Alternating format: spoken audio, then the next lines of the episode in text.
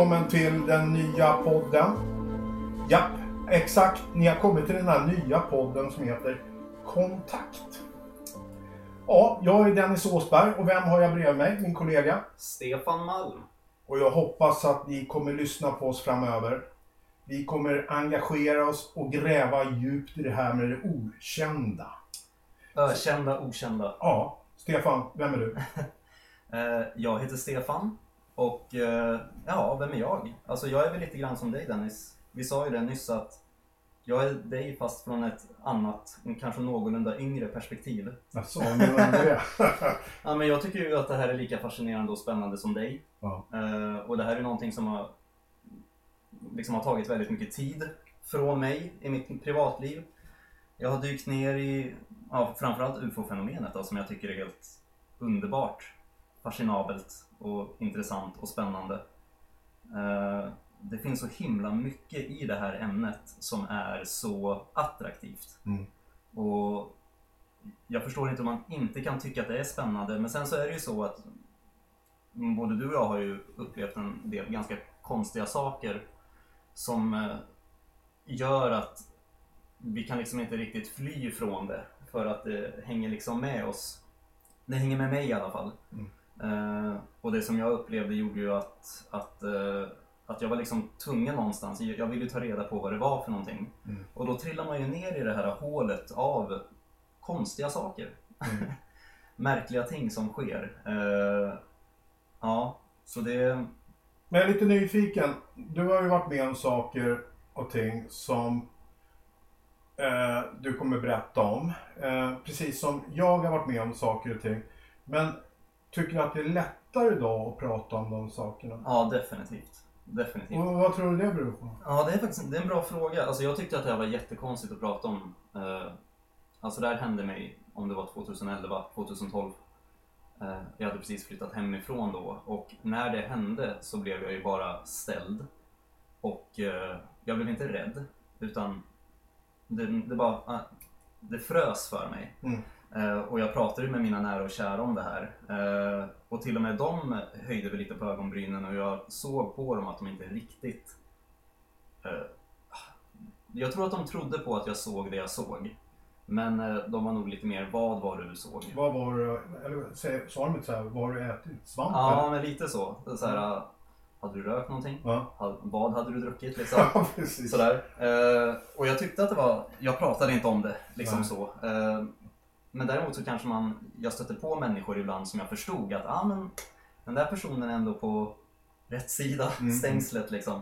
Eh, och öppensinnad. Men jag går ju, jag har ju inte, alltså det är ju verkligen inte det första jag säger till folk. Nej. Jag presenterar mig inte eh, och sen säger det i andra meningen direkt. Utan, eh, så det är lättare att prata om nu. Jag tror att det har sjunkit in också. Att jag har liksom accepterat att det jag såg, det såg jag liksom. Mm. Eh, och sen så får folk tycka lite vad de vill om det. Eh, men jag vill ju också att människor, jag vill ju att människor ska tro på mig. För att det är ju så otroligt fascinerande att, eh, att det är så. Mm. Att det har hänt. Nej, men jag känner igen mig i exakt det du säger. Jag har ju precis som dig upplevt saker och ting som eh, jag var jäkligt försiktig med att berätta. Mer än att jag berättar självklart för mina nära och kära som familjen och barnen Mm. sådär. Mm. Men att eh, lyfta fram det, jag såg det 96. Och det, jag tänkte vi skulle komma in på det här hur vi träffades eh, till att börja med. Mm. Men, men du har ju upplevt uppenbarligen saker och ting precis som jag. Ja. Och vi träffades redan 2011 tror jag första gången va? ja. Eller var det 2012? Det kan ha varit 2012 eller om det var i skiftet där någonstans. Eh, och det är ju lite kul i sig att alltså, jag hade min upplevelse, inte allt eh, eh, för, alltså det var ett tag innan jag träffade dig. Men det var ändå någonstans i, i, i, i samma veva på något sätt. Eh, när jag läste om det här objektet som jag hade hittat i Östersjön så, så, så, så var det inte länge sedan jag hade sett det jag hade sett. Och det var det var bara en märklig, eh, ett märkligt sammanträffande som också får en att bli lite så här confused Mm. i sig. Mm. Så. Eh, men, Men, vi, ja, men vi träffades. ja, jag, det var ju på så sätt att eh, det här dök upp och du hade skrivit att du skulle hålla till vid Ansilus och jag kollade på Google Maps vart det här var någonstans och så sa Mm. jag till min kära vän Alex, shoutout till Alex, att eh, fan vi måste åka och hälsa på Dennis och han var ju på det liksom. Så vi tog min gamla Mitsubishi och så åkte vi ner till eh, Åkersberga, Nej, Norrtälje. Norrtälje. Ja, just. Ja. Eh, och sen så träffade vi dig Ja. eh, och jag blev lite starstruck på en gång liksom. Bara, där är han ju. Ja, shit man. jag har sett honom i tidningen. Ja. Eh, nej men, och det var ju jätteroligt. Eh, så vi snackade ju där och sen så hade ju ni den här, eh, det här mötet på Finlandsbåten också. Just. Och dit hängde jag ju med också. Och där så fick vi ju veta mer om er och eh, Ocean X och eh, objektet såklart. Mm. Som var väldigt fascinerande. Eh, som alla tycker. Ja, nej, men det var, alltså jag kommer ihåg, du var ju en eh, livlig kille med mycket energi som kom in och jag kommer ihåg jag hade fartyget, eller jag och Peter vi hade fartyget i Norrtälje där och så kommer du in, du bara lyser. Ah, Du bara Jag vill veta! ja, jag, Berätta! jag vill vad, veta. vad är det ni har hittat för något där ute i Östersjön? Ja, jag vad vill fan veta. är det för något? Jag bara, oh, shit man. Alltså han verkar ju jäkligt intresserad i det vi håller på med och Ja. i det vi har hittat. Ja, Så att, ja det var ju så vi träffades första gången och precis som du säger då, vi hade ju en, en, vad ska vi säga, en, en föreläsning, kan vi kalla det för det, på eh, Finlandsbåten där vi bjöd in då människor som var intresserade. Jag tror vi gick ut via Facebook, men inte Ja. helt ute och cyklar. ja jag tror att det var så också. Ja. Ni hade ju er Facebookgrupp där då. Ja, Eh, precis. Och det var ju ganska mycket folk där ändå. ja det det var var ju väldigt roligt alltså. Vad kan det vara? 25, 30? Ja, 30 25, pers. 30. Ja, det var en finsk kvinna som var med i det där sällskapet som försökte hångla upp mig senare. på Jaså? Ja, det var fruktansvärt. Men gjorde han inte det? Ja, jag har en vagt minne. Ja, hon var, hon, hon var bra nära. Jag, jag tror att våra läppar som hastigast möttes. Men Ja, eh, jag lyckades... eh, Jag gjorde någon skön piruett där så jag, eh, jag dodgade den ganska bra ändå. Ja, jag kommer ihåg den där kvällen där efter det här. Det var ju full partaj. Ja, det var det verkligen. Alltså. damn, alla dansar som tokar. Ja, det var skitroligt alltså. Eh, så det var, äh, det var en, en rolig grej och jag hoppas att vi kan göra det där igen framöver. Mm. Eh, Nej, och sen så blev det ju helt enkelt så att vi behöll kontakten. Eh, Jag hörde av mig till dig ibland och, mm. och så. eh, För att eh, vi fick aldrig reda på vad fan det var för någonting. På botten av Östersjön. Jag tänkte så här, om, om, om det är någon man ska ha nära för att någonstans eh, lära sig mer om det här så är det ju du såklart. Ja, ja. Nej, och sen så klickade vi ju bara. Ja. ja, vi har ju samma intresse för det här med det okända. Och som sagt var, du eh, var ju lite på också nyfiken eh, i mitt liv som sagt var. Och jag öppnar ju upp mig mer och mer. Jag är lite så här försiktig general utav mig. Jag, jag pratar inte om vad som helst med vem som helst om man säger så. Men i det här fallet så tyckte du Eh, eller du frågade väldigt mycket. Så, Dennis, har du varit med om något annat eh, konstigt i livet? Typ? Ja. Det var då jag kände att, ah, vad fan ska jag berätta om det som hände 96? Mm. Ja, men då gör jag det. Och då, då gav jag dig ett litet finger och du tog hela handen. Ja, jag ber om ursäkt alltså. Ja. Men, men samtidigt, det var jättebra för att jag var lite sådär, lite nojig för att gå ut med den informationen för att jag vill inte ha den där foliehatten på mig. Och Nej. Det här var ju som sagt var 2012, tror jag, 2012, 13 någon gång. Mm. Som vi började diskutera om det där. Mm. Med det som hade hänt då i Sundbyberg och Ursvik. Mm. Och jag eh, bestämde mig då, det är väl lika bra att jag, jag berättar det här. Och då var du på så här, Dennis kan jag inte filma det här? Kan inte jag få Ja. intervjua dig? Mm. Exakt. Och då var vi i Ursvik och du filmade och intervjuade mig tillsammans med, Alex. med Alex just det. Och det gick ut på Youtube Mm. och jag fick en jäklans massa mail och meddelande efter det. Mm. Från människor som tyckte att Nej, men det är fantastiskt. Det, det är strångt gjort att gå ut med den här, att du vågar. Att, Ja. Jättebra, jag vill också göra det men jag vågar inte. Mm. Och så berättar de deras egna upplevelser och så vidare. Mm. Så jag ångrar inte en sekund att jag gjorde det. Nej, vad härligt. Men, men som sagt var 2012, 2013, där, man var ju livrädd för att man skulle sabba sin eh, framtid där. Och samtidigt som jag har ett, ett välrenommerat och bra företag som Ocean X Team. Nu, nu kanske folk tror så att vi är X-Files-gänget som Mm. letar efter UFOs. Så är det ju inte. Nej. Ocean X Team, det står för eh, X marks the spot. Precis. Mm. Som en skattkarta. Ja. Så att vi var ju alltså inte ute på havet för att leta efter något UFO. Vi letar ju specifikt efter vrak då som har intressanta laster. Mm.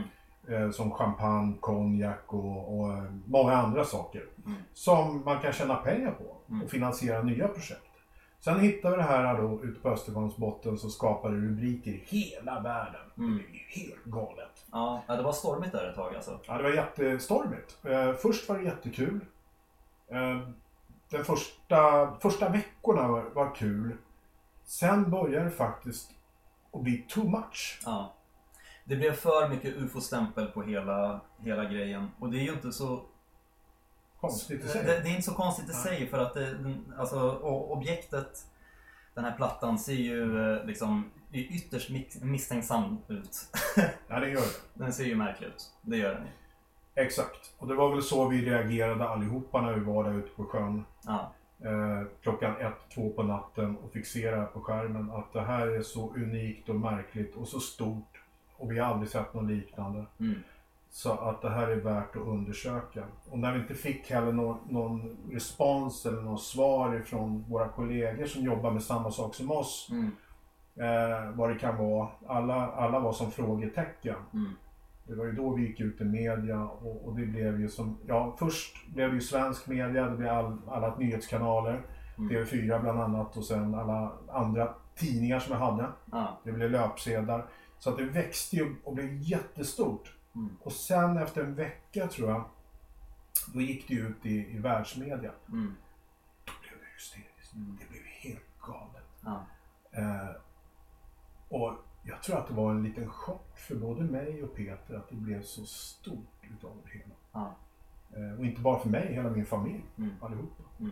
För att när man gick till exempel i, centrum och man hade publicerat, hade man, de hade lagt ut bilder på mig och film var på mig i alla nyhetskanaler. Mm. Och bara, där är han, Mm. ufo-killen. Mm. Ufo-Dennis. Ufo-Dennis. Ja.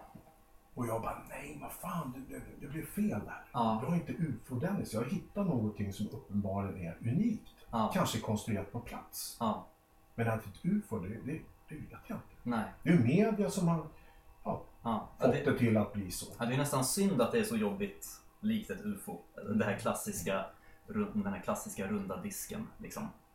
Sen, sen blev det ännu jobbigare när alla mejl började rasa in. För att det, det kom ju så mycket mejl. Mm.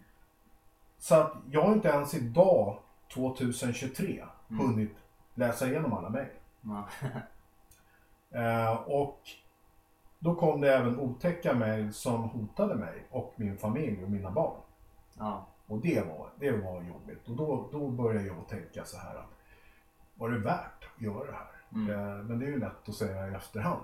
Eh, men det, det var tufft. Särskilt när de blandar in barnen i det hela. Och vill göra illa mina barn. Eh, och då att jag öppnar porten till helvetet och så vidare. Mm. Sådana mejl fick jag. Kan det ha varit eh, folk som hade en liten religiös inställning Ja, till ja, det? det var fundamentalister. Kristna och allt möjligt. Och Ja. alla, ja. Det var helt galet i alla fall. Men, men eh, jag håller ju på med det där fortfarande. Och jag har ju fastnat i det där eh, det här mystiska. Och jag vill ju, jag är ju en explorer. Mm. Jag letar ju på botten som sagt efter intressanta vrak. Men jag har alltid, alltid måste jag säga, varit nyfiken själv utav mig. Jag vill alltid Mm. söka efter saker och ting som, som ingen annan har hittat. Mm. Och sen det här som hände 96, det var väl en wake-up på något sätt. Eh, Det var då jag började tänka så här, vad fan är det för någonting som händer runt omkring? Jag måste få ett svar. Mm. Och sen hittade vi det här 2011 ute i Östersjön. Och det är ett sammanträffande, förstår du hur, hur det kändes i min planet? När Mm. jag stod där framför skärmen, Peter och Floris och... Ja men, vänta nu, vad är det här? Mm. Vad konstigt. Ja. Det, det, Jag, jag tror att det är viktigt också att poängtera att den här podden, alltså även om ni inte hade hittat objektet som ligger i Östersjön, så har ju du haft det här intresset sedan, sedan 90-talet. Liksom. Ja. Och förmodligen så hade du kanske velat starta den här podden även om hela Östersjö-grejen inte hade hänt. Ja, är det. För att det här är ju ett intresse som du har haft sedan, sedan Sen lång tid tillbaka. lång tid tillbaka. Precis. Absolut. Och, ehm, den här podden som vi håller på med nu, det, det kommer vara lite grävande journalistik inbakat i det hela. Mm. Vi kommer gräva i det här. Vi kommer försöka hitta svar på saker och ting. Finns det UFOs? Ja, alltså nu, nu pratar jag av egen erfarenhet. Jag, jag tror på det. Jag har sett någonting 100%. Det var, som jag har sagt förut, det var ingen fågelskit på glasrutan. eh, som jag, jag stod faktiskt bakom en glasruta när jag såg det här. Ja. Det var någonting som uppenbarligen inte hör hemma där. Det, det var någonting som man kan ta på. Men det var en bit ifrån som sagt var. Mm. Eh, Och det här kan man ju se, det här reportaget som vi gjorde då kan man ju gå in och kolla på ja, Youtube. det finns ju sagt Och titta på Ja, ifall man vill ha den detaljerade redogörelsen för, Absolut. för det du såg då. ja. Och det är ju du som intervjuar mig som sagt var. Vi sitter ju i bilen och åker omkring där i Ursvik. Ja visst, Ja. det var lite scary. Var det? Ja, det var lite mysigt. Jag hade aldrig varit där förut. Det var så nedlagt och tomt och, och så. Ja. Ja, och nu är det ännu mycket, nej inte scary, men nu, nu är det ju bebyggelse där. Nu har Ja. det byggt överallt. Mm. Så att det har hänt en del som sagt var sen vi var där sist. Mm. Eh, men den här podden, alltså vi har ju ett brinnande intresse både du och jag Ja. för det här. Så att vi ska göra allting nu för att gräva så djupt som möjligt i det hela. Vi kommer besöka platser, vi kommer intervjua människor som håller på med just det här med Ghost. Alltså sök, Spöksaker. spökjägare kan man Ja. kalla det för. Som har olika instrument de använder också för att kunna kommunicera eller veta om det finns spöken. Mm. Och vad är det här för instrument egentligen? Vad är det för något? Ja. Precis. Och det är ju det vi ska undersöka. Ja. Finns, kanske ta in någon som är tekniskt kompetent, som vet om, om, kan svara på det här. Är det möjligt att de här instrumenten de går omkring med, som rätt som det säger någonting, Mm. om du har, ja, du har säkert sett det på Youtube. Absolut. Fi- Finns det någon sanning i det? Ja men precis, det är lite samma sak som de här auro, aura-fotografierna som man kan ta. Mm. Eh, vad är det för någonting egentligen? Alltså, vi, vi kommer någonstans försöka vara hälsosamma skeptiker för vi vill ju ha svar på många olika saker. UFO-fenomenet är ju liksom bara en del och sen om det hör ihop med andra andliga upplevelser som folk har. För folk upplever ju uppenbarligen väldigt konstiga saker ofta. Och det där är ju jättefascinerande.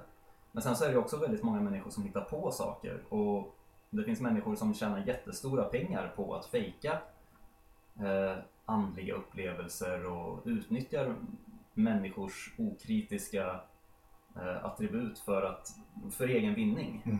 Mm. Eh, och, och, vi ska ju någonstans försöka hitta, hitta svar, antar jag. Mm, det är ju det vi ska göra. Och där är det ju viktigt att ni i publiken nu som lyssnar på det här, ni, ni får gärna kommentera. Alltså, möjligheten att skriva till oss, den finns ju som sagt var på, på plattformen då, där vi sänder ut den här podden. Eh, och eh, jag vet att Spotify har ju någon, någon funktion där, där man kan skriva. Men ni får gärna höra av er till oss och, och skriva något om eh, ni, ni har någon idé runt om någonting och eh, frågor som sagt var. Det, det, vi är öppna för diskussioner. Eh, ni kanske har någon idé om något ställe som vi ska besöka eller en viss person vi ska intervjua. Mm. Så att, eh, ja, nej men absolut. Det, det här blir ju jättespännande. Jag ser fram emot det här. Men jag skulle ju gärna... Det här är ju första avsnittet. Jajamän. Och nu, nu ska ju du få berätta lite om din händelse där. Ja, ska jag göra det? Ja, vill du det? Ja, alltså det är ju, det är ju Det är lite... nu det händer. Ja, det är nu det händer. Nej men... Ah, Sitter ni ner där hemma? Ja, exakt. Sitt ner nu. Nej, men vad ska man säga alltså? Eh, alltså jag har ju alltid tyckt att det är spännande med konstiga saker. Eh, jag växte upp religiöst. Väldigt religiös när jag var yngre och sen så... Eh, ja. Började jag Var ju du religiös? eller? Ja, alltså jag var jättereligiös när jag var barn då. Men jag, alltså det var ju, alltså du vet man är barn då så, då så tror man ju på det som ens omgivning tror på. Mm. Liksom. Men sen så försvann det där sen jag blev äldre och jag började ifrågasätta och jag började ifrågasätta allt. Och eh, sen så försvann eh, min religiösa sida ganska, ganska hårt. Så att det nästan blev någon motsats till det nästan. Jag blev liksom anti. Och varför? Varför? Ja. Jag tror att jag hade för mycket frågor. Så här, hur, vet, hur kan jag veta att Gud finns? Mm. Och jag nöjde mig liksom inte med svaret att det, det, det känner du inom dig. Du känner att han finns. Mm. Och jag kunde liksom inte urskilja den känslan från andra känslor. Det räckte liksom inte med att det, att, att, att, att det skulle kännas i mig. Utan jag ville liksom veta. Jag var ganska skeptisk av mig helt enkelt. Så jag kom ur det där och blev nästan anti eh, religion på något sätt. Eh, jag ville inte alls bara tro, jag ville veta liksom. Eh, så ja, det har egentligen det har ingenting med min observation att göra. Bara, bara för att få någon, någon form av kött på benen när det kommer till vem jag är. Mm. Eh, Så jag ville veta. Eh, Samtidigt så är det ju liksom en del av mig som inte kan veta riktigt. Det kanske finns en gud. Vad vet jag? Jag är väl agnostiker på det viset. Mm.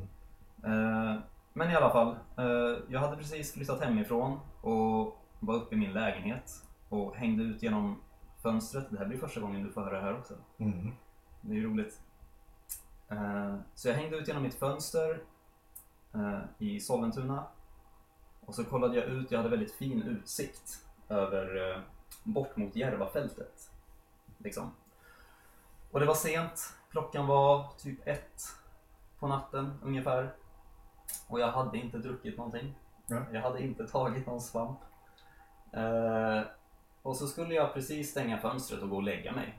Och då så ser jag, och det här det är svårt att beskriva. Eh, så ni som sitter där hemma får försöka koppla på fantasin här. Mm. Men det som händer är att jag ser som plötsligt är det bara en ljusstråle som går från molnen ner till marken, långt bort. Och när den ljusstrålen släcks, den är bara, den är där i en halv sekund. Och när den släcks så tänds nästa ljusstråle ett par kilometer längre bort. Och den är också bara tänd i en halv sekund. Och när den släcks så tänds nästa ljusstråle. Och sen så fortsätter det så bort över horisonten tills jag inte kan se dem mer. Så det blir som ljuspelare som puff, puff, puff, puff, puff Ja. i den hastigheten bort över horisonten.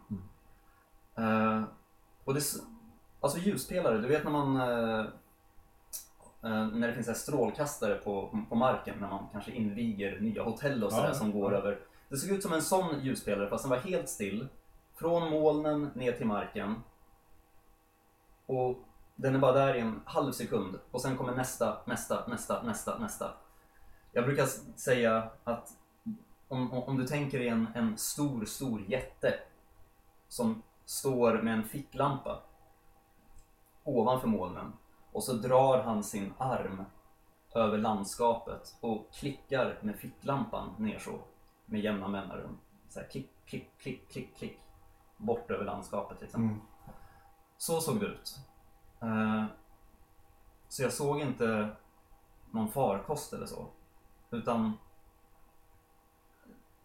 det var de här ljuspelarna som kom från någonting. Eh, enda sättet, och det var helt knäpptyst kan jag också påpeka, för de flesta har sagt att det var väl något flygplan som bara flög över liksom, och lyste ner ljusstrålar. Vilken tid var det här då? Klockan var alltså kanske ett på natten. Det var mörkt. Det var mörkt. Eh, och det hela var över på kanske fem, fyra, fem sekunder liksom. Eh, och det kanske hann bli en sex stycken ljuspelare innan man liksom inte såg dem mer. Då var de borta. Så det var det än vad som gjorde de här ljuspelarna gick över landskapet väldigt, väldigt snabbt. Mm. Ett flygplan försvinner inte så snabbt över himlen liksom. Utan det här var något snabbt. Liksom. Och så kom det ner ljuspelare med jämna mellanrum. Puff, puff, puff, puff, puff, puff bort. Mm. Tills man inte såg dem mer. Och jag bara frös till och jag bara fick den här känslan av att det där kan inte hända. En, alltså en, en, en känsla av att jag har sett någonting som man inte kan se. Det kändes omöjligt. Mm. Liksom. det där kan man inte se. Mm. Det där ska inte gå. Mm. Vad fan var det? Och jag liksom bara hängde kvar i fönstret i många minuter efter det. Såklart, och bara kommer det hända igen. Mm. Så det var, det var jävligt märkligt alltså. Vilket år var det här? Det här var väl 2011 tror jag. 2011? Ja. Okej. Så det var sjukt märkligt. Eh, och det förändrade jättemycket i mig. Mm. Och jag började såklart googla och försökte hitta något svar på det här, Mm. vad det här var för någonting. Eh, och då är det klart man hittar ju att flera människor har sett liknande saker. Du gjorde det? Du hittade information att folk hade sett typ ljuskäglor som hade kommit från himlen ner ja, sådär? ja, visst. Och folk Mm. har också sagt att, eh, att eh, det, det finns ett fenomen som kan utspela sig på vintern som är eh, om det heter iskristallpelare eller Mm. någonting. Och jag har sett sådana också. Och de är ju stationerade, de är ju fasta. Och, och det blir ju någon, det är någon form av reflektionsfenomen som blir när eh, ljus från marken eh, re- reflekteras upp i iskristaller upp i himlen. Mm. Eh, och det var inte något sånt, alltså, utan det här var precis som jag säger, ljuspelare som tändes snabbt med ganska breda mellanrum, Mm. ett par tre kilometer som fortsatte bort över horisonten. Det var precis som att någonting alltså flög ovanför molnen jävligt snabbt och blippade ner ljus, tände sin strålkastare ner, tuff, tuff, tuff, tuff, bort över landskapet liksom. Eh, Var det här på vintern? nej, det var höst. Okej. typ. Eh, Så det var rätt mörkt ute liksom. Eh, Ja, det var sjukt märkligt alltså. Och sen inte jättelångt efter det så läste jag ju om det här med objektet i Östersjön och så tyckte jag bara att det var jättefascinerande. Mm. Som alla andra tyckte, Mm. antar jag, som, som tyckte att det här var spännande. Eh, Ja, the rest is history. Det förklarar ditt stora intresse för det, det okända och det annorlunda och det som händer runt omkring. Precis som, det, det där det är typ exakt samma sak som jag gått igenom med det jag såg i Östersjön. Eller förlåt, i, i Ursvik då. Ju också över Järvafältet. Det är det som är så... För du tittar ju nu över Järvafältet Ja. ifrån Sollentuna. Ja, jag gick in på Google Maps där och kollade, vänta, vart kan det här ha varit någonstans? Liksom. Ja. Eh, ja, det, det är märkligt att så få sekunder av ens liv kan förändra så mycket av vad man tänker om verkligheten. Ja. Visst. Eh, för du vet, jag gnuggar mig i ögonen och du vet, många gånger har jag tänkt att jag måste ju ha sett i syne. Mm. Man kan inte se det där. Nej. Men det, det, jag såg det jag såg Mm. liksom. Det hände. Och det är ingen som kan ta ifrån dig den upplevelsen. Och, det är, man, och jag personligen, precis som du troligtvis är, jag är stolt för att jag har sett det jag har sett. Ja. Ja, jag, Men jag, samtidigt- jag börjar bli stolt över det nu. Jag, jag är jätteglad för att jag har sett det jag har sett. Men Ja. samtidigt så är jag så hungrig Ja. att veta mer. Ja, men det är ju det. Jag blir upset. Alltså, Ja. jag blir ju beroende av att veta mer. Jag måste bara få veta mer. Ja, och det där är ju eh, människans förbannelse liksom. Ja. Och vår nyfikenhet kommer att dra oss ner i fördärvet liksom. Ja. Men har man upplevt någonting sånt där konstigt och, och jag, det- jag, jag, jag, är- jag tror på dig och jag vet själv hur det känns. Du tror ju på mig för att du själv, Jag kan, själv rela- du kan ju relatera till någonting. Så att du vet hur det känns att se något omöjligt. Mm. Och då öppnar ju det dörrarna för, kan jag se något omöjligt så Mm. kan ju någon annan också ha gjort det. Liksom. Jag tror att det är väldigt många där hemma, kanske folk som lyssnar redan nu, som har upplevt saker och ting som man har svårt att sätta ord på, men vill hemskt gärna berätta om. Mm. Och man är, man är lite skraj för att berätta det här för att det kan uppleva, folk kan uppleva det som Nej, det här, det här är en knepig människa.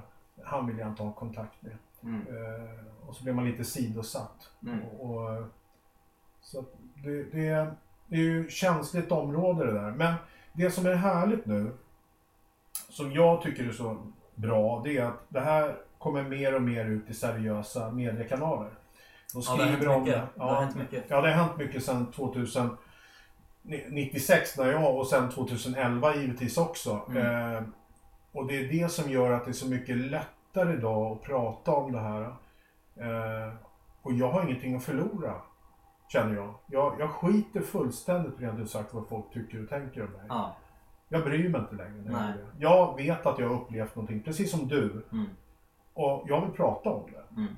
Och jag hoppas att fler, precis som du och jag, börjar öppna upp sig och prata om saker och ting som de har upplevt kanske som barn eller under sitt liv. Mm, mm. Jag vet när vi eh, spelade in den här lilla, det här reportaget eh, i, eh, om din observation som Mm. du gjorde så sa vi just det att fan någon gång i framtiden så kanske, så, så kanske det här öppnar upp sig mer. Det kanske, hela ufo-fenomenet kanske någonstans flyttar in i finrummen i framtiden Mm. och det kommer bli lättare att prata om det och eh, fler människor kanske får upp ögonen för att fan det finns någonting det är någonting som händer uppe i himlen ibland. Mm. Eh, och väldigt få människor får uppleva det. Eh, för det är rätt unikt ändå. Mm. Eh, det är inte jätte, jättevanligt ändå. Eh, men med internet och allting, alltså allting har gått så jäkla fort nu. Och eh, intresset ökar verkligen. Ja, det gör ju det. det och det märker jag också själv. Eh, I och med det vi hittade, ja, det vi hittade i Östersjön så är intresset det har blivit så mycket större runt omkring det föremålet i Östersjön. Det är produktionsbolag som kontaktar en och gör poddar och så vidare. Mm. Eh, och, och folk är, är nyfikna och vill veta vad är nästa steg och så vidare. Mm. Eh, och jag tror att jag, jag märkte redan för två år sedan, ett och ett halvt, två år sedan att det började ta fart igen. Mm. Observera, nu, nu är det alltså 2011 vi hittade det och sen 2012 var vi ute. Och sen bara vagnar det. Jag menar, mindre och mindre intresse runt omkring det hela.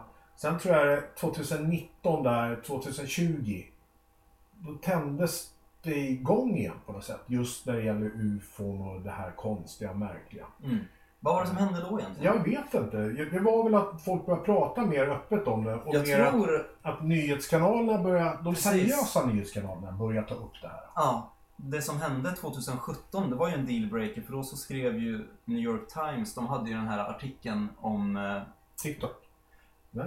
Eh, ex- nej, jag är inte säker på om det var tic-tac-grejen då, men de hade en, eh, en stor artikel som handlade om hur, hur Pentagon under flera år hade haft eh, Ja, hemliga UFO-avdelningar och det var en stor artikel i New York Times som, som anses vara en eh, rätt seriös mediekanal ändå. Mm. Eh, och det tror jag gjorde jätte, jättemycket då. Mm. mm. Ja, det tror jag också. Mm. Så att jag, jag märkte ju då att folk börjar bli mer nyfikna runt omkring det här föremålet i Östersjön. Eh, och inte bara det, generellt allting som har med UFO att göra. Folk ville prata om det och jag, jag var ju ute som sagt och träffade kompisar och vänner och de känner igen mig från det här med Östersjöns föremålet som jag hittat och, och då ville de prata om det. Men Dennis, det, det här är spännande. Det här är, alltså du vet, jag har sett det och det. Mm. Jag har upplevt det och det. Du vet, jag har inte vågat prata med någon om det, men, men jag, jag har också sett grejer. Mm. Så att jag tror att väldigt många börjar prata nu och, och det är nog också på grund utav att vanliga seriösa mediekanaler Mm. börjar prata om det. Precis. Man kan eh, peka på konkreta Mm. saker nu på ett sätt som man inte kunde göra förut. Exakt. Eh, Man kunde liksom inte hänvisa till något fall som, eh, så, som hade tyngd i sig Mm. eller som var bevisat på något sätt. Mm. Men nu så har vi så mycket saker som, som ja, dels Pentagon har gått ut med, NASA forskar om det här seriöst nu. Mm. Men det skrivs ju inte mycket om det i svensk media. Alltså, I svensk media så är det ju fortfarande lite lite så här skrattstämpel på Ja, det. ja men det håller jag med om. Sen kan man ju tycka det är lite konstigt. Vi, vi är ett svenskt företag, vi är svenskar, vi, vi hittar det här föremålet i Östersjön. Vi gjorde en dokumentärfilm som heter The Mystery Beneath, Mm. som du säkert har sett. Ja. Då kan man ju tycka så här märkligt att inte svensk media, alltså de eh, SVT, TV4, alla de här kanalerna, Mm. ingen utav dem har kört den här dokumentären. Nej. Visst är det lite märkligt? Ja. Medan de flesta utländska kanaler, till och med på flygplan, Ja. kan du titta på The Mystery Beneath. Ja. Varför? Ja. Nej, jag har ingen aning. det, alltså. det, det är konstigt. Det Märkligt är det. Men eh, har ni inte sett The Mystery Beneath, gå in där. Den finns på YouTube. Den är gratis att kolla på. Så det är bara sök The Mystery Beneath. Mm. Och det här är också en intressant fråga som vi kan slänga ut där i etern. Mm. Varför tror ni att S- Sverige inte riktigt, inte riktigt ändå kan ta det här på allvar än? Ja. Sug på den. Jaha, sug på den karamellen. Du... Eh, Ska eh, vi, så- ska vi bena ut ett begrepp, Benny? Eh, Ja? Bennis. Ben, däm, dämpa brukar man kalla mig för. Nej, men det här kommer bli en podd som behandlar eh, eh, oförklarliga fenomen, ufo-fenomen. Vi, vi kommer trilla in på andliga upplevelser antar jag också, för det går väl hand i hand antar jag. Eh, folk upplever konstiga saker, ser konstiga saker och ibland så påstås det hamna på kamera. När det gäller ufo-fenomenet så har det ju, det är ju ett fenomen som faktiskt har registrerats av liksom radar militär radar, militär utrustning liksom. Eh, vilket är väldigt häftigt. Men eh, Men det är ju ett faktum. Alltså, det, det är ju bevis, alltså, det är bevisat nu att det finns saker och ting som flyger omkring. exakt. Eh, och observerade, och särskilt då amerikanska marinen då med de här tic-tac, tic-tac, eh, tic, vad heter det? Tic-tac, Tic-tac heter det, tic-tac. som godisen. Ja, precis. Eh, som flyger omkring och observerar dem under sina övningar och, och det är hela tiden, det är konstant. Mm. De är där. Ja. Nu- Det var ju under ett par år där som de fångade dem väldigt, väldigt mycket. Ja. Eh, så att, Och det var det som New York Times skrev om då också. Ja, precis. I, I den här artikeln som var någon form av dealbreaker när det gäller det här, mm. det här ämnet. Men eh, UFO, vad är det liksom? Vad är ett UFO för dig då? Alltså UFO är helt enkelt att det är någonting som observeras i himlen vanligtvis som man inte vet vad det är. Mm. And that's it. Jag tror att problemet har varit att man har satt likhetstecken mellan UFO och alien. Eh, och där någonstans har det gått snett. Och det är därför man någonstans försöker tvätta bort det där eh, stigmatiserade uttrycket UFO nu och man har ändrat om det till UAP. Exakt. Eh, vilket är egentligen samma begrepp. Det är ju eh, Unidentified Aerial Phenomenon. Som det står för. Eh, och det här är någon... Alltså det i sig, att man försöker, att man ändrar om terminologin kring ufon är ju... Säger ju någonting. Att, Mm. man, att det här är ett seriöst fenomen som man som seriösa aktörer verkligen försöker att lära sig mer om. Och försöker klura ut vad det är för någonting. Eh, jag har en grej som jag tänkte på här. Alltså när det gäller ufon så är det ju oftast att det ser ut på ett visst sätt. Mm. Det är liksom en disk som två tallrikar som är ihopklistrade med en liten kupol på uppsidan. Och det här har också någonstans blivit också likhetstecken med begreppet UFO. När man tänker ett UFO, då är det ett, en sån här farkost, en silverdisk. Mm. Det är det som alla tänker på automatiskt. Men så är det ju inte. Och då så kan man tänka sig också, alltså de som pratar om UFOn, många vittnen som ser UFOn beskriver ju just det på det sättet också. Mm. Att det ser ut som en disk, en silverdisk. Och då så kan man ju tänka att folk säger så här, varför beskriver vittnesmål farkosterna som de ser ut på film? Alltså har inte folk bättre fantasi? Och att det här då skulle vara ett, ett argument för att de här vittnesmålen hittar på. De har sett UFO på film och då så är det klart att det är så man beskriver dem. Liksom. Mm. Men något jag tycker är viktigt att poängtera är att den första filmen, första gången det här klassiska diskformade ufot visades i film, det var den här filmen The Day the Earth Stood Still. Och den är från 1951. Och de första ufo-vittnesmålen som beskrev diskformade ufon kom innan dess. Liksom. Och då hade vi en herre som hette Kenneth Arnold. Han var en pilot i USA och han hade en upplevelse när han såg vad han beskrev som saucer-shaped objects. Mm. Liksom. Flying saucers beskrev han det som. Mm. Och det såg precis ut som de här klassiska diskformade ufona som han såg. Mm. Och efter det så började det dyka upp i film. Så de första filmerna, eller vittnesmålen snarare, kom innan det syntes i film. Så det är liksom, filmerna har tagit inspiration från vittnesmålen och inte tvärtom. Mm. Och det där är faktiskt jävligt intressant. För jag tänkte själv så om hela ufo-grejen. Ja, men det är ju typiskt. Det är ju typiskt att de som ser ufon beskriver dem precis så som de ser ut på film. Ja. Ja, men eh, jo, det, det, det runda, precis, såser. Men sen har det kommit fram att det är även trianglar och det är lite andra runda klot som lyser som man ser nu visst. Och sen det här med tefat. Det har man ju hittat i grottmålningar. Ja. ja, just det. Så att det kom ju långt innan Ja. vi Ja. hade TV och sånt där. Så att, eh, vad, vad fick de det ifrån? De som knackade in det där i sten. De kanske åt svamp. De kanske åt svamp ja. Det är så. Och då ser jag en tefat. Ja. Ja, prova det någon gång. Då ser jag om vi ser något tefat. Jag vet, jag vet att det finns jättespännande eh, dokumentärer om eh, människor som har eh, väldigt, väldigt kraftiga psykedeliska upplevelser Mm. som eh, beskriver att de träffar entiteter som också lustigt nog ser ut som de gör på film. Mm. Eh, aliens med stora svarta ögon och stora huvuden och små kroppar. Eh, och det är också intressant. Det finns en, en, en artist som heter någonting. Pablo någonting. Jag kan kolla upp det. Jag kan kolla upp det. Ja. Vi skriver det någonstans. Eh, och han eh, har väldigt kraftiga psykedeliska upplevelser. Han är, är någon form av schaman också tror jag. Mm. Och efteråt så målar han tavlor av sina upplevelser. Mm. Och då målar han också, man ser de här tavlorna, då ser man de här tefaten. Mm. Eh, jätteintressant. Mm.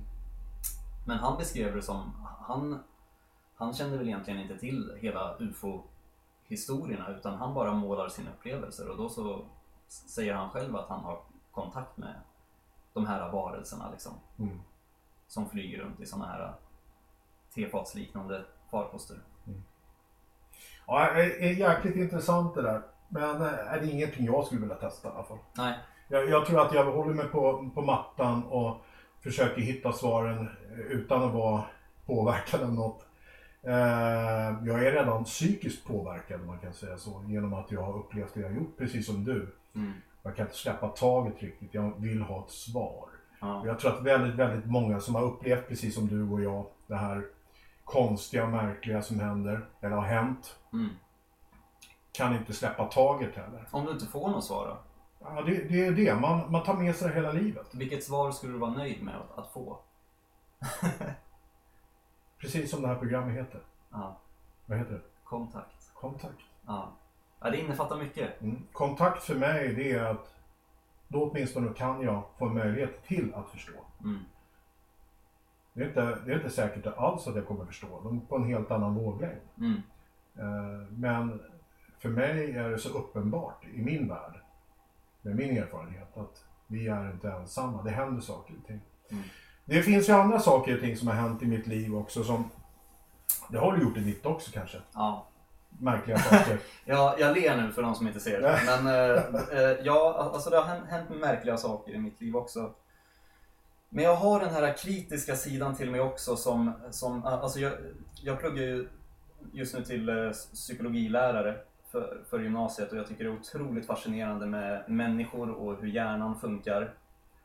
Och eh, nu när jag har pluggat psykologi ett tag så har jag också förstått att eh, vår hjärna besitter egenskaper att, att eh, lura oss på massa olika sätt. Mm. Jag tänker på framförallt det här uttrycket confirmation bias.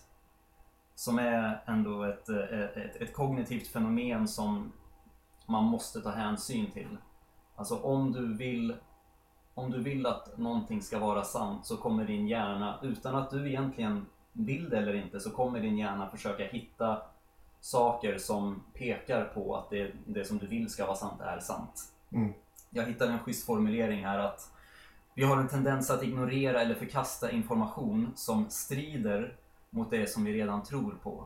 Och det här confirmation bias-fenomenet kan leda till felaktiga slutsatser och det förstärker vår befintliga uppfattning istället för att utmana den. Mm. Alltså det är viktigt att vara medveten om att konfirmationsbias eh, är liksom aktivt för att Alltså för att vi ska kunna fatta mer objektiva beslut och vara öppna för nya idéer så måste vi försöka Sätta gränser. sätta gränser och vi måste alltså, vara objektiva och Ja. försöka liksom slänga vårt ego åt sidan lite grann. Eh, och det är jävligt svårt alltså. Jo, så. Det är liksom, eh, det är ju filosofi. Ja. Att, att, att kunna eh, förkasta det vi vill tro på eller inte och försöka vara objektiva. Och för att vi ska kunna hitta svar så måste vi vara beredda på att utmana det vi vill ska vara sant. Liksom. Mm, mm. Intressant. Intressant. Jag menar, man kan inte köpa allting det man hör. Du kan säkert relatera till det. ja. Alltså, när ni hittade den här plattan på botten av Östersjön Ja, så så, tänkte ju du säkert automatiskt ja, ja. Det ser ut som ett UFO. Ja, ja, men det gjorde jag ju. Men samtidigt så slog jag på det där filtret som jag måste ha för att kunna överleva, höll jag på att säga. Nej, men, eh, man måste vara realist, man måste vara ner på jorden. Tänka då utifrån sina grundvärderingar. Vad, vad, är, vad är mest normala? Eh, och det gjorde jag. Eh, men samtidigt, långt bak i huvudet så... Men det är inte normalt det jag ser. Mm, Men jag har inget svar. mm, Och jag måste göra en grundlig undersökning. Det kan ju vara som sagt vara en vulkan. Det kan vara en meteorit som är rund. Det kan vara en sten som är helt rund. mm. Men, platt. Ja, pl- platt. Relativt platt. Hur, hur tjock är den? Ja, det är svårt att säga. Vi vet ju inte hur långt ner i sedimenten den det. gått ner. Så att det är ju jättesvårt. Mm. Eh, men det är alla de där... Alltså man, man försöker att hålla sig på jorden givetvis. Sen swishar man iväg ibland och hoppas. Men det är en annan sak. Men när jag jobbar med det jag gör så måste jag vara jordnära. Jag, jag försöker ju uteslutsmetoden utifrån den kunskap jag har. Mm. Och när man hittar en sån här grej, då har man noll kunskap kan jag säga. Mm. Ett vrak är en sak. Mm. Men det här är någonting som utöver det vanliga. Ja. Och, och, men samtidigt som min professionalitet, det jag håller på med, då måste jag, ja men kan det här vara en vulkan, kan det vara en meteorit? Kan det vara kanske en eh, konstruktion eh, av något slag som har varit där långt innan istiden? Ja, Mm. det kan det vara. I sånt fall, vem fanken har byggt den? ja. Det är ju det. Alltså Men- oavsett så Men, är det ju weird. ja, men det jag tänkte komma till det är att det här var ju 2011 och 2012. Sen var vi ju ute igen 2019. Vi har ju varit där ute ett gäng gånger. Mm. Och vi har ju upplevt så mycket andra saker så det handlar ju inte bara om den här formen på föremålet, hur den Nej. ser ut. Det handlar om upplevelsen när våran radioutrustning och navigationssystem slutar fungera, våran belysning slutar fungera. Fan vad läskigt alltså. Massa sånt där som gör att man bara, Ja. vad i helskotta är det här? Ja. När vi har en tromb över föremålet. Ja. Vi har en blixt som slår ner på föremålet, eller där föremålet är. Mm. Vi har ett svart moln, bara där. Mm. När vi är på väg ut dit med en liten båt då, Mm. så ser vi som en, en pelare av ett svart moln. Mm. Och vi tänkte så här, det är metangas eller någonting. Mm, just det. Ja. Och sen när vi kom dit så bara pff, borta. Ja. Ja, Och, vad- och så kan man ju undra så här, om det här nu inte är så jäkla intressant och, och det är en sten som folk hävdar, vissa utav dem. Men hur kommer det sig att Försvarsmakten ligger där ute och observerar oss, ligger bredvid. Det här är finsk ekonomisk zon. Varför ligger en svensk kustkorvett där? Mm. Varför flyger en massa plan runt omkring oss? Varför kommer NATO-styrkorna lägger sig runt om Mm. med sina fartyg när vi Mm. håller på där? Jag menar, visst, att man drar iväg i tankarna, förstår du vad Ja, jag visst, tänker? visst. Det, men det behöver inte alls vara så. Ni kunde inte kontakta dem på något sätt och fråga så här, vad gör ni här? Jo då, vi gjorde det på radio. Ja. De låg för nära. Ja, Så att de flyttade på sig. De, de flyttade på sig en liten bit. ja, okej. Ja. Ja, skumt. Varför då? Ja. Varför gjorde de det? Ja. Ni får... Och, och det roliga var att när jag pratade, jag var ju uppe på högkvarteret då och pratade med, med toppen Ja, och nämnde det för. Och ja, han sa nej, vi har inte varit där ute. Nähä. Men jag sa inte det till honom när vi har filmat det. ja, okej. Ja. Okej. Det var då jag förstod att, okej. Ja. Antingen du är, har inte du fått någon information. Jag, jag, Och så jag, kan jag, det jag, vara. Så kan det vara, men mm, det var märkligt i alla fall. Men som sagt, där, där börjar nu då med, man, det gäller att hålla fötterna på jorden och se vad egentligen är det för någonting man upplever. Och, och det, så var det med Östersjöns föremålet och så var det också med, med det jag såg när jag bodde i Ursvik då, eller i Ör, och så fick se det jag såg 96. Mm. Jag försökte verkligen analysera mig på, på alla möjliga sätt och frågasätta mig. Vad, vad är det jag har sett för någonting? Mm. Kan det ha varit en luftballong, en zeppelinare? Mm. Allt mellan himmel och jord. Och på den tiden så, 96, vi hade ju Alta Vista. Just det, Mm. det kommer jag ihåg. Och så hade vi så här uppringningsmodem. Ja. Så att jag gick in och ringde upp nyheterna med mitt modem för att gå in och titta. Är det några nyheter runt omkring där? Ja. Så ingenting. Nej. Och jag gick in på något som heter UFO Sverige, finns ju idag som sagt var. Men eh, då gick jag in på UFO Sverige också. Inga rapporter, ingenting. Och jag mejlade också Mm. till UFO Sveriges, deras rapportcenter eller vad fan det heter. Ja. Fick aldrig något svar. Och... Nej, jag, jag, jag, letade verkligen Mm. för att få ett svar. Mm. Kan det ha hänt någonting däröver? Kan Mm. det vara en, Visst. något som kan ha gjort att det, det jag såg var en normal, alltså en ballong eller någonting. Väderballong eller något. Men, men det här var ju så jävla stort också så att... Eh, ja, nej men jag gjorde nog allt i min makt just då. Mm.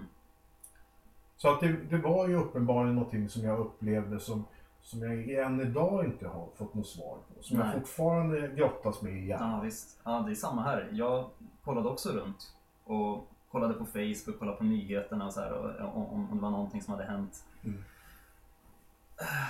Men jag hittade inte heller någonting. Och du vet, sen när tiden går, alltså tiden gör ju någonting med minnet Mm. också. Och har du också känt så här ibland eller tänkt att Fan, såg jag verkligen det jag såg? Ja, absolut. Ja, ja, Ja. ja, gud ja. Ja. Ja. Och så, men sen så gör man någon form av så här, du vet, man går tillbaks i minnet, man blundar Mm. och så går man tillbaks till, till sekunderna då det skedde och så kan man nästan återuppleva det igen. Man, man ser det igen i sitt eget huvud. Och så blir man nästan lite så här, man bara ryser till bara, äh fy fan, jag såg det alltså. Det hände. Vet du vad jag skulle vilja göra tillsammans med dig? Och nu vänder jag mig ut till er som kanske lyssnar på det här. Eh, hypnos. Jag skulle vilja göra hypnos. Ska inte du vara sugen på det? Jag har pluggat på lite om hypnos. Jag, jag har studerat det, det är intressant. Hypnos är intressant. Anledningen till att jag säger det här. Jag, jag vill ju, alltså jag försöker ju gräva så djupt jag kan i min egen planet. Ja, För att få fram detaljer runt omkring det jag såg Ja, 2011. mm, Tänkte inte du så här? Kan, går det på något sätt att absolut. ta fram? Absolut. Hypnos är fascinerande och Men. spännande. Men, men det finns ett men. Ja, men det, det är där du kommer. Ja. Ja. Eh, nu pratar eh, den studerande hobbypsykologen i mig. Ja. Nej men eh, när du går tillbaks i hypnos så sätter du tillståndet i en form av vad man skulle kunna beskriva som trans. Du är liksom lite vaken men du är också lite sömnig. Okej. Eh, och så ser du massa saker framför dig. Men det behöver nödvändigtvis inte vara en representation av det som hände då. Om du förstår vad jag menar. Mm. Men det skulle kunna vara det. Också. Men det är just det här att det inte... Säg att du blir hypnotiserad och så går du tillbaks och så får du se det du såg. Mm. Så kanske det ändå är lite glapp i minnet va?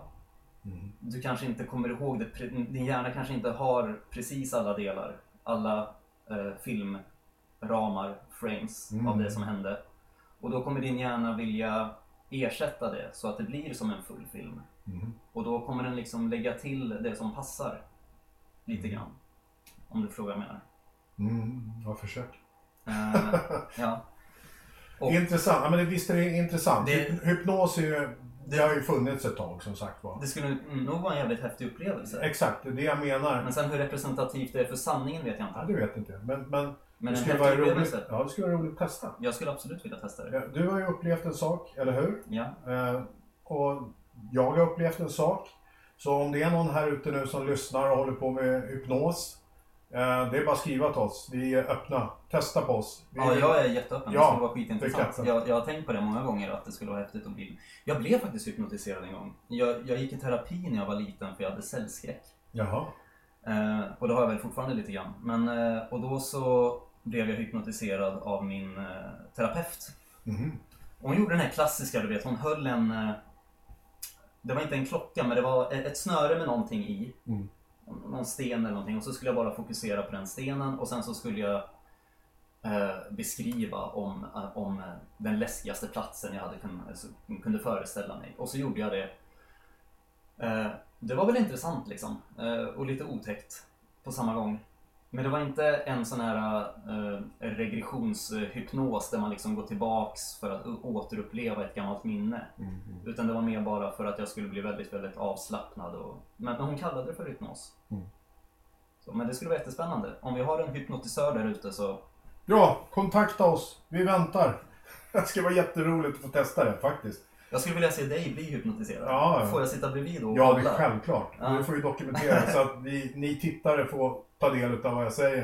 Jag Ja. kanske säger jättekonstiga saker. Det finns ju väldigt eh, intressanta UFO-fall eh, med folk som har varit med om eh, eh, extraordinära saker och påstått sig själva ha träffat olika entiteter och sådär, Mm. och aliens och så, som blir hypnotiserade. Jag tror ett väldigt känt fall är Betty och Barney Hill. Ja, just Eh, och där blev ju eh, båda två hypnotiserade. Mm. Och det låter ju otäckt, man kan ju höra de banden på, på Youtube för de spelade in dem. Och han, speciellt Barney, han skriker ju som ett barn Mm. när han blir hypnotiserad. Mm. För han eh, känner ju att han eh, återupplever den här händelsen då som de var med om.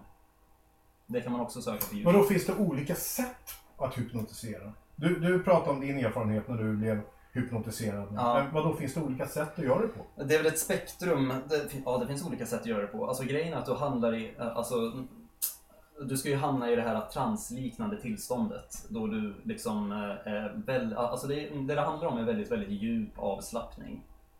Nästan som att du är på gränsen till att somna liksom. Ja. Och så. Och då gör ju hjärnan roliga saker. Mm. Du har säkert varit på väg att somna många gånger och så har man liksom halvdrömt sig iväg lite grann. Då skulle man kunna säga att du är i ett, i ett hypnotiskt tillstånd. Så. Intressant. Ja. Nej, men det där ser jag fram emot. Det, det ska vi göra. Det, det, jag hoppas att kontakt här nu blir någon eh, en riktig jäkla bra podd. Som folk lyssnar på. Och, Riktig kioskvältare. ja, faktiskt. Vi, och det, det är det jag vill och det är det du vill också. Vi, vi vill ju verkligen gräva, som jag sa förut, så djupt som någonsin går. Och även ta in då hypnos i hela, om det kan hjälpa på något sätt. Och, Ja. ja. Är det någon, är det någon, är det, jag tänker på något helt annat nu, men är det något som du har upplevt något annat konstigt? Absolut, gud ja. Åh, jag vill inte, eh, mm, mm, vad heter det, uh, jinxa det, men eh, eh, det har hänt märkliga saker i vårt hus Okej. i, i Helenelund. Eh, och det har det gjort sedan jag var liten. Ja. Eh, märkliga saker, men eh, ja, det är lustigt när man tänker på det. För eh, det är märkligt, men så kopplas den här delen av min hjärna igång så här, ja men hände det då? Hände det? Ja, Hände det då? Hände det på riktigt? Eh, men ja, jag har sett väldigt märkliga saker. Eh, det har hänt konstiga saker. Men de får väl nästan spara för framtida avsnitt, tänker jag kanske. Jag tänker så. Klockan är mycket nu som sagt var och vi har ju lyckats spela in nästan en timme nu. Jag vill också bara sammanfatta lite. Alltså det här är ju en podd som vi gör för att vi tycker att det här är så jävla spännande och kul. Ja, för mig, exakt som dig, jag tycker det är spännande och kul. Men det här är också ett kall. Eh, Jag har bara ett liv, precis som du. Ja. Och mitt liv är just nu att få svar på massa saker som jag inte har förstått. Ja. Eh, Men som har uppenbarat sig för mig. Mm. Som jag har sett.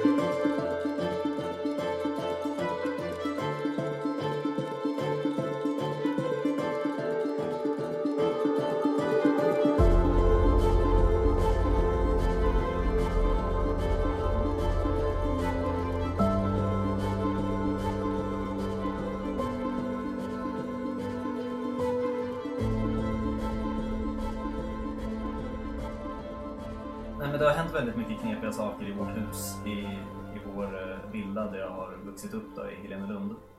Eh, och det började väl egentligen med en händelse när jag var i 12-årsåldern. Och, och det har egentligen gått på samma tema sedan dess. Liksom. Det börjar med att jag vaknar upp mitt i natten, när jag är 12 år, Eh, och sätter mig upp i sängen i mörkret, yrvaken. Jag vet inte varför, jag bara sätter mig upp i sängen och min blick faller på en gång mot eh, rummets ena hörn. Och där så ser jag en pojke. Alltså en, eh, en liten pojke, yngre än mig, kanske i sexårsåldern. Och det är mest som att jag ser konturen av den här pojken, för det är mörkt i rummet, men jag ser att, att, att det är ett barn. Det ser ut som en pojke med en sån här pottfrisyr, en sån här ful liten klippt pottfrilla. Så man har satt en burk på huvudet liksom Mm. och, och klippt håret därefter. Eh, och, och, jag minns hur jag tänker, fan är det min granne? Är det Kaspar som har kommit in i mitt rum och, och ställt sig där? För vår granne var, han var i den åldern. Och bara, nej det kan han inte ha gjort. Det, det är klart det inte är Kaspar liksom. Så jag hinner tänka, jag ser det, han står där och fy fan vad läskigt. Så jag bara lägger mig ner i sängen igen och vågar inte röra en fena tills solen går upp. Jag ligger vaken hela natten och bara är livrädd liksom. Jag, jag, jag vågar liksom inte ens ta upp handen för att tända sänglampan. Eh, och sen när det börjar bli ljust i rummet där på morgonen då så vågar jag titta upp igen liksom. Men jag ligger säkert i sängen en tre timmar i alla fall och bara är skiträdd. Eh, och sen när det blir ljust i rummet så tittar jag upp mot hörnet och så är det ingenting där såklart. Eh, men just den här konturen av det här lilla barnet som står i mitt hörn med den här fula pottfrisyren. Eh, glömmer jag bara inte. Eh, och, och, och jag tänkte också sen, fan jag kan, kan jag sätta i syne liksom. Men det var så märkligt att jag bara vaknade mitt i natten av att jag sätter mig upp i sängen och, och tittar på den här figuren på en gång. Så det var bara skitläskigt och det där hängde med mig eh, länge. Och, och, och det var liksom ett obehagligt minne som jag gärna inte tänkt på liksom. Sen år efter det där så eh, minns jag att jag träffade en tjej. Eh, och så skulle jag ta med henne hem eh, till huset då. Eh, för jag bodde kvar där. Och jag hade inte berättat någonting om, om den här händelsen för henne. Vilket är en viktig detalj i historien.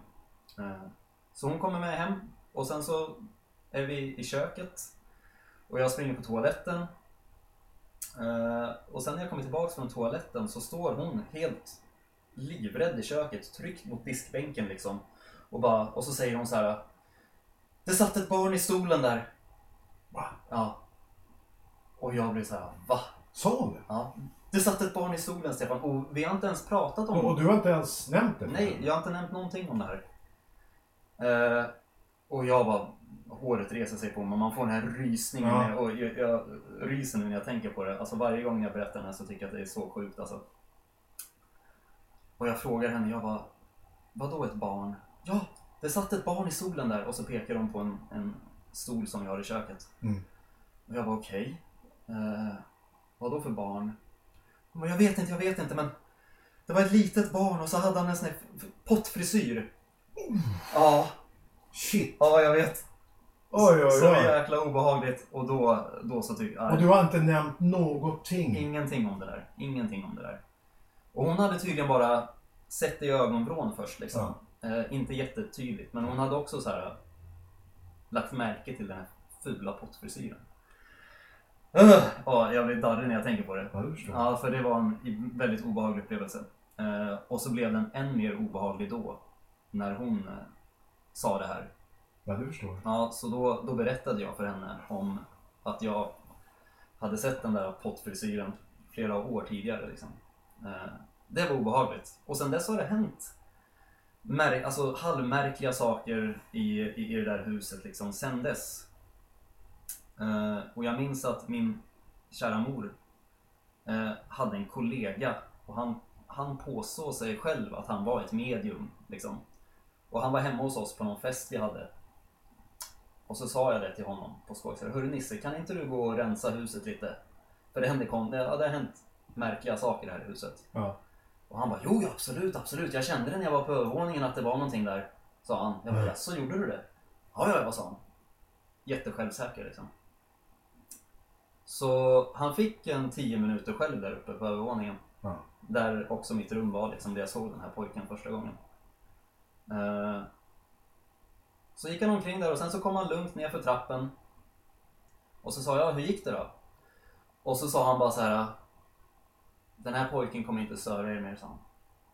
Och vi hade inte nämnt för honom att det handlade om en pojke. Du hade inte nämnt? Nej. okej. Nej. Mm. Utan han sa bara det att ja, den här pojken kommer inte störa er mer, sa han.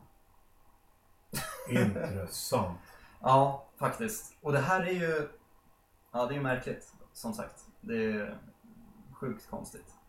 Märkliga saker händer runt omkring oss, det är uppenbart. Så är det. Ja, Och det här var ju, eller är, vårt första avsnitt och vi har ju så mycket mer att berätta. ja. Men vi, alltså, vi kan ju sitta här hela dagen och hela natten och köra på. Men, Ja, det är roligt att snacka om sånt här. ja, det är det. Det är intressant som sagt var. Jag, jag vet att många där ute, förhoppningsvis många som lyssnar nu, har massa berättelser och erfarenheter. Så det, ni är hjärtligt välkomna att dela med er. Eh, och som sagt var, har vi någon hypnos, hy, hypnotisör där ute så eh, kontakta oss. Eh, men du, min kära vän, det här var jättekul och jag hoppas att vi kommer fortsätta länge och göra kontakt. Jag också. Eh, ska bli jättespännande att se hur det här går om eh, ni där följare där ute börjar verkligen att följa det här och lyssna på det vi säger och ta del av alla våra avsnitt som vi kommer att ha framöver med intressanta gäster förhoppningsvis. Mm. Eh, så att jag tänkte, ska vi runda av här? Vi rundar av. Jättetrevligt. Tack! Tack för att eh, ni lyssnar. Tack för att du är här. Tack Tack, för att vi startar igång det här. Yes. Tack för att vi lever. Ja, det kan man verkligen säga. Det var en bra avslut. Tack för att vi lever. Ja, klart slut. Hej då! Hej då!